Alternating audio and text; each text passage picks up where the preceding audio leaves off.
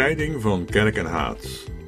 Het is vandaag 16 februari. Mijn naam is Jurgen van den Herik. Fijn dat u luistert. Het is moeilijk om liefde onder woorden te brengen, ook nu zo vlak na Valentijnsdag. En het is wel belangrijk om het daar eens over te hebben, omdat heel veel mensen denken of zeggen: God is liefde. God is liefde, maar wat zeggen ze daarmee en wat is dat dan, liefde? Sommigen maken het heel klein, zoals in de wereldwijd verspreide tekeningetjes van de Australische Kim, Kim Kazali. Liefde is. En dan een kinderlijk tekeningetje van een jongensachtig bloot mannetje, die een meisjesachtig, eveneens poedelnaakt vrouwtje beide eigenaardig genoeg zonder geslachtsorganen, wat we trouwens wel vaker zien bij stripfiguurtjes, zoals Donald Duck bijvoorbeeld, wel een jasje aan en een petje op, maar zonder broek de straat op in Dukstad. Anders dan Fokken en Sukken, die heel duidelijk daar beneden wel iets hebben. Liefde is eh, een jongensachtig mannetje dus, dat een meisjesachtig vrouwtje verwendt met een kopje thee of een bosje bloemen. En dan teksten: Liefde is die ene blik. Liefde is een reden om de trein te missen. Liefde is een knuffel. Liefde is ook eens op zondag klusjes doen. Zomaar een paar diepzinnigheden van wat liefde is. En exclusief heteroseksueel. Hoe zit dat? Wat is liefde? Het is met alle woorden zo dat er een betekenaar is en een betekenis. Een betekenaar en een betekenis. En dat die altijd op de een of andere manier aan elkaar vastzitten. De betekenaar bestaat vaak uit letters, bijvoorbeeld de letters T, A, F, E en L. Vrij willekeurige letters, een keus uit 26 stuks. En nu is het per definitie zo dat die betekenaar verwijst naar iets dat in ons hoofd zit. In dit geval een plat vlak waar je iets op kunt zetten, met doorgaans vier poten, tafel. Met andere betekenaars kan trouwens naar dezelfde betekenis worden verwezen table in het Frans of table in het Engels of tisch in het Duits. Betekenaars verwijzen naar een betekenis, een plat vlak met doorgaans vier poten. En wat wij met elkaar communiceren zijn dus niet die betekenaars, op papier bijvoorbeeld, maar die betekenissen die iemand dus in ons hoofd heeft gestopt. De betekenaars bestaan namelijk al van voor onze geboorte maar die zeggen niks. Die gaan pas wat zeggen als iemand betekenissen in ons hoofd aanbrengt en er een koppeling tot stand wordt gebracht tussen die woorden enerzijds en dat beeld in ons hoofd anderzijds. Daarom is, en Paulo Freire wees daar destijds op in zijn boek Pedagogie van de Onderdrukten, is het onzinnig om te denken dat woorden overal hetzelfde betekenen en dat de woorden van de Bijbel bijvoorbeeld overal hetzelfde betekenen. Of u nu rijk en welvarend bent of arm en achteropgezet. In rijke milieus worden nu eenmaal andere beelden ingeprent bij opgroeiende kinderen dan in arme milieus. Zo is het dus ook met het woord liefde. De betekenaar bestaat uit zes letters: L, I, E, F, D en weer een E maar wat zit er in ons hoofd? Waar denkt u aan als u het woord liefde ziet staan? Of als u een hartje ziet? Arthur Schopenhauer schreef niet zo mooi over de liefde. Trouwen, dat is bij hem al het mogelijke doen om een hekel aan elkaar te krijgen. Je rechten zullen halveren en je plichten verdubbelen. Maar de meesten van ons zullen niet graag met dat sombere beeld mee willen gaan, maar met een heel ander beeld. Een andere betekenis dat inmiddels vast in ons hoofd zit en wat ik noem Hollywood. Standaard Hollywood is Een verhaal met allerlei onzekerheden en SM, spannende momenten. Een verhaal vol toevalligheden, misverstanden en pijnlijke gebeurtenissen. Een verhaal dat dan altijd eindigt dat ze, de hoofdrolspelers, elkaar krijgen in een romantische mix van erotiek en adoratie, met die finale boodschap: en ze leefden nog lang en gelukkig. They live happily ever after. Als wij aan de betekenaar liefde denken, die zes letters, of love, of amour, allemaal betekenaars, dan zitten die vast aan iets in ons aller hoofd, namelijk ze leefden nog lang en gelukkig.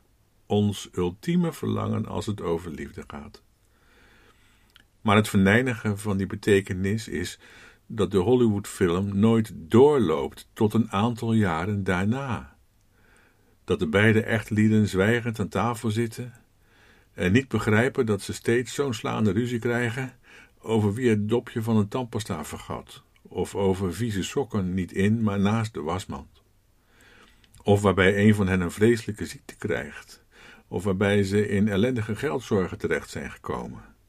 Dan zou namelijk de leugen van they live happily ever after worden ontmaskerd. Nu is het bijzondere van wat ik vandaag met u wil delen dit: om de Bijbel te begrijpen is het nodig dat we een andere betekenis in ons hoofd zetten dan erin is gestopt. Zodat de betekenaar liefde naar iets anders in ons hoofd gaat verwijzen dan de betekenis happily ever after. Want ons hele toekomstbeeld, ook de christelijke vorm daarvan, lijkt op een Hollywoodfilm, waarbij het allemaal goed komt. Ooit, later, later, veel later. Helemaal aan het einde van de film, die geschiedenis heet, komt Jezus terug of zoiets.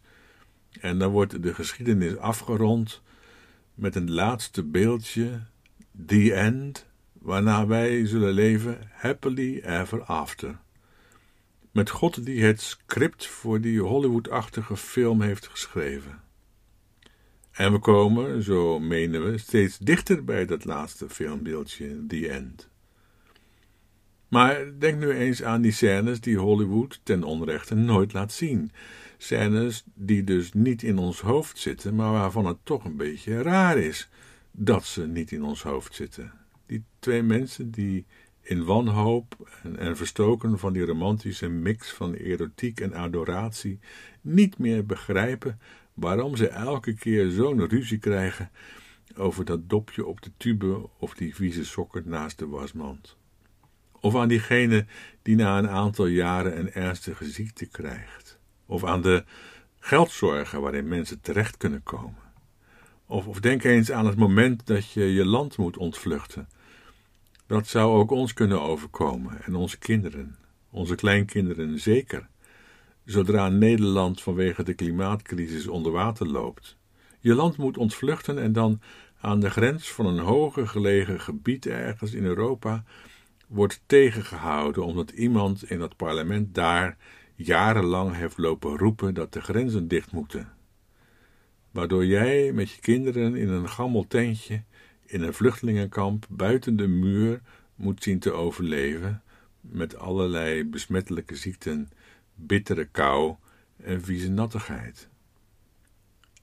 En dat dan iemand uit dat verre en voor jou gesloten land naar jou toe komt, uh, laten we haar voor het gemak even Samira noemen, met een warme deken of wat te eten of met medicijnen, als een soort van Samaritaanse in al haar barmhartigheid. Hoe moeten we dat dan noemen? Wat voor beeld of betekenis is dat dan? En is er een betekenaar, een combinatie van letters, die daarnaar verwijst, naar dat beeld en die betekenis? Ik stel voor dat we nu we Hollywood als aangebrachte betekenis wat uit ons brein hebben geprobeerd te wissen, dat we nu proberen te horen waar de Bijbel naar verwijst als die het over ahave heeft. Het Hebreeuwse woord waarover het gaat als we het over liefde willen hebben is ahave.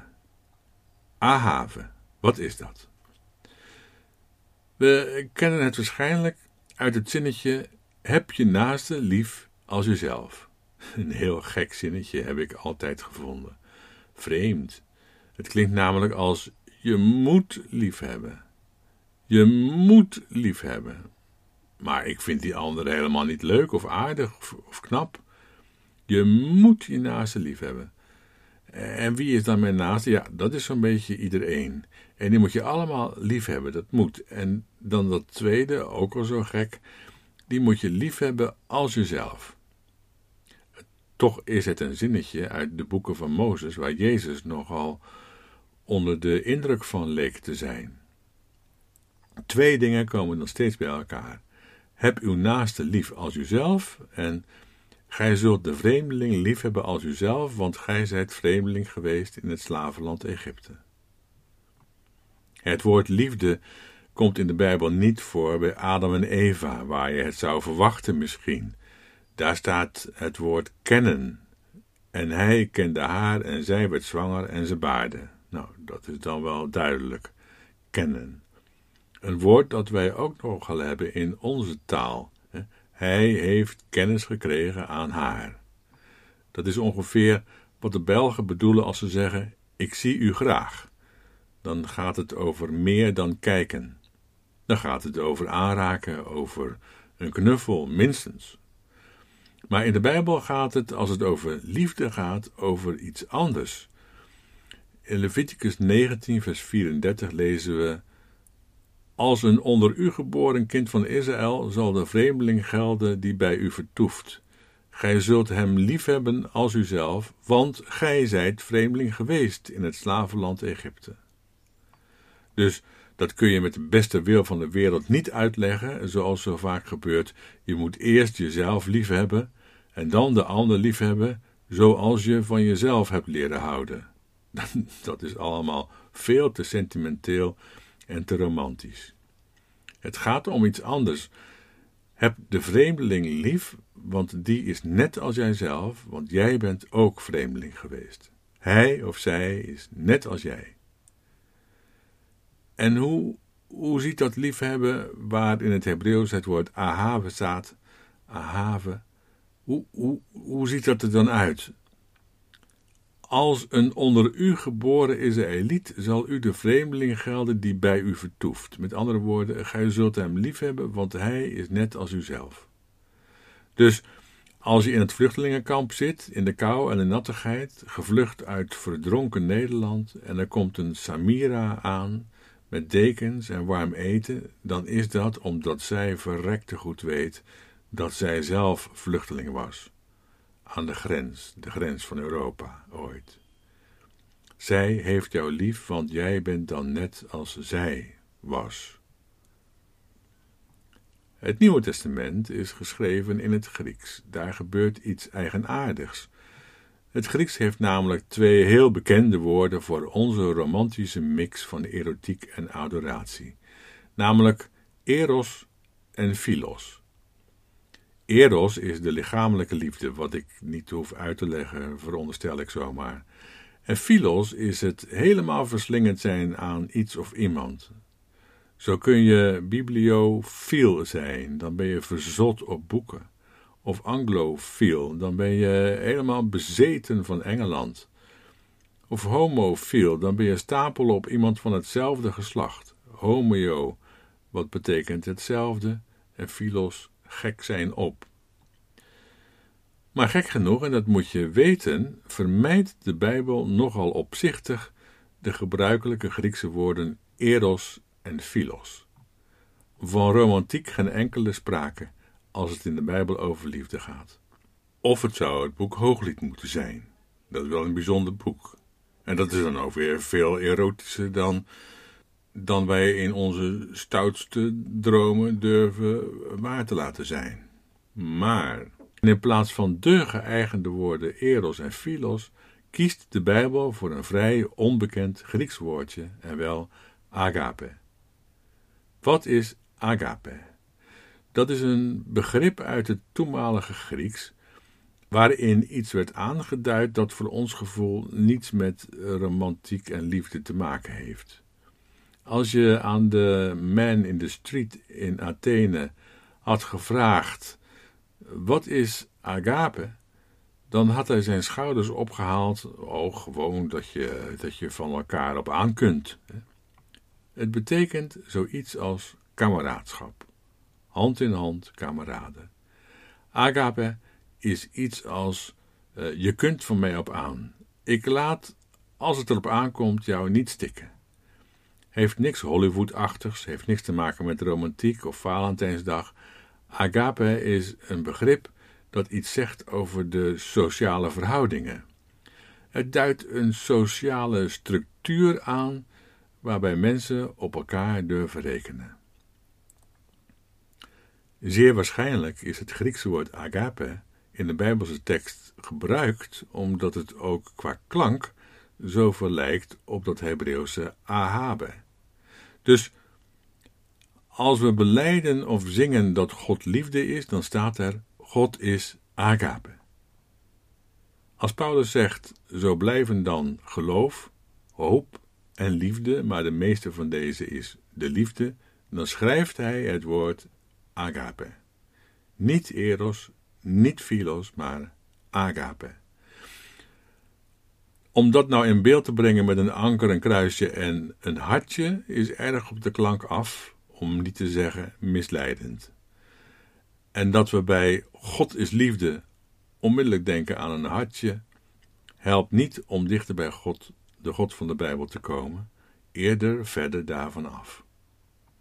Liefde in bijbelse zin is namelijk: je moet de vreemdeling beschouwen als iemand met dezelfde geboorterechten als jij, want hij is als jij. Jij was namelijk even goed een vreemdeling. Dat is wat de Bijbel onder liefde wil verstaan. Liefde als een goddelijke kracht. En dan niet met de mensen die jij lief en aardig vindt, maar juist met die mensen die jij vreemd vindt en liefst buitensluit. De Bijbel duidt dus op iets wat wel beschouwd niet van deze wereld is. Deze wereld en de vorsten van deze wereld, en nu komt het, bouwen namelijk altijd muren, à la Trump, sluiten de grenzen, à la Wilders, en denken altijd in wij en zij, à la Baudet. Wij zijn niet als zij, wij zijn blank en zij zijn slecht. Dus dat de Bijbel van deze kracht, die zichtbaar wordt in de Samaritaan en in Samira, zegt of beleidt, dat moet wel van God zijn, want dat is zo vernieuwend namelijk. En dat geeft de mensenwereld zo'n enorme kans op humaniteit, werkelijke humaniteit. Dat noemen we voortaan God. God is die bijzondere kracht, die geheel andere mogelijkheid, agape. Dus niet liefde is goddelijk, en zeker niet zo dat wat wij onder liefde doorgaans verstaan iets zou kunnen zeggen over hoe God wel niet zou zijn. Het is omgekeerd. Die vreemde God van de Bijbel, die God van Israël, die slavengod, zegt iets over wat in de Bijbel liefde is. En dat hadden wij niet bedacht en niet kunnen bedenken. En zo geeft de God van Israël aan de aarde en aan de mensenwereld een hoopvolle kracht. Een injectie van humaniteit. Een vaccin tegen scheidsmuren en de daarbij behorende vijandschappen. En gaat het niet over een happy end aan het einde van de geschiedenis, maar over een genadige mogelijkheid in ons leven van alle dag, nu. En is het dus niet zo dat we eeuwen hebben moeten wachten en misschien nog wel moeten wachten totdat Jezus terugkomt of zoiets raars, alsof hij maar zit te wachten en te wachten. Nog een oorlog, nog een pandemie, nog meer vluchtelingenstromen, maar ik blijf zitten waar ik zit. Zij daar op dat ondermaanse moeten maar wachten, wachten tot helemaal aan het einde voordat er gezegd kan worden: They live happily ever after. Nee, dat is onbijbelse dwaalleer. Jezus is als een levende onder ons, hier en nu. En zo beschouwd is het geen vreemd gebod, zoals het in de brief van Johannes is geformuleerd. Daar staat namelijk: Geliefden, de eerste brief van Johannes, hoofdstuk 2, vers 7. Geliefden, ik schrijf u geen nieuw gebod, maar een oud gebod dat gij van de beginnen gehad hebt. Dit oude gebod is het woord dat gij gehoord hebt. Toch schrijf ik u een nieuw gebod, want wat waarheid is in hem en in u, de duisternis gaat voorbij en het waarachtige licht schijnt reeds. Wie zegt in het licht te zijn en zijn broeder haat, die is in de duisternis tot nu toe. Wie zijn broeder lief heeft, blijft in het licht, en in hem is niets aanstotelijks, maar wie zijn broeder haat, is in de duisternis en wandelt in de duisternis, en hij weet niet waar hij heen gaat, want duisternis heeft zijn ogen verblind. Het is het gebod dat van ouds klinkt, maar als een steeds nieuwe kans om tot leven te komen. Dus wanneer Jezus zegt: Dit is mijn gebod dat gij elkander lief hebt, ik gebied u, heb elkander lief, agape, dan is dat niet dat je een emotie of een affectie moet hebben. Dat, dat kan ook helemaal niet, uiteraard. Dan is dat een kwestie van doen of laten. Dat doe je of dat doe je niet. En als je het niet doet, dan lieg je, schrijft Johannes in zijn eerste brief. Zelfs als je zegt in het licht te zijn, je liegt. En dan weet je niet waar je heen gaat, schrijft dezelfde Johannes. En zeker niet naar een happy end met een living happily ever after. Niet wat je zegt, maar wat je doet, daar gaat het om. Het is geen nieuw gebod, maar een oud gebod lezen we in het zogenaamde Nieuwe Testament. Een oud gebod in Leviticus en op zoveel plaatsen in de wet van Mozes, bijna op elke bladzij. Liefde, zoals de Bijbel erover schrijft, is geen affect of emotie, maar een werk. Het is er om te doen, een daad, een daad van gerechtigheid. En niet jegens degenen die jou bekend voorkomen of net zo boreaal zijn als jij, maar juist jegens degenen die jou vreemd zijn en op afstand van jou staan. Een noodzakelijke daad nu. Het is geboden om die waard te maken de vreemdeling is als jij, daarom moet je hem of haar beschouwen als medegeborene in het wereldwijde land van God, en niet langer als een vreemdeling aan de rand of over de rand zonder God. Het is geboden om te doen, want het is de kans om tot leven te komen, door samen te leven, om op te staan, niet ooit, eens, zo ver weg dat we daar voorlopig nog geen last van hebben, maar nu, vandaag. Bedankt voor het luisteren en tot de volgende keer.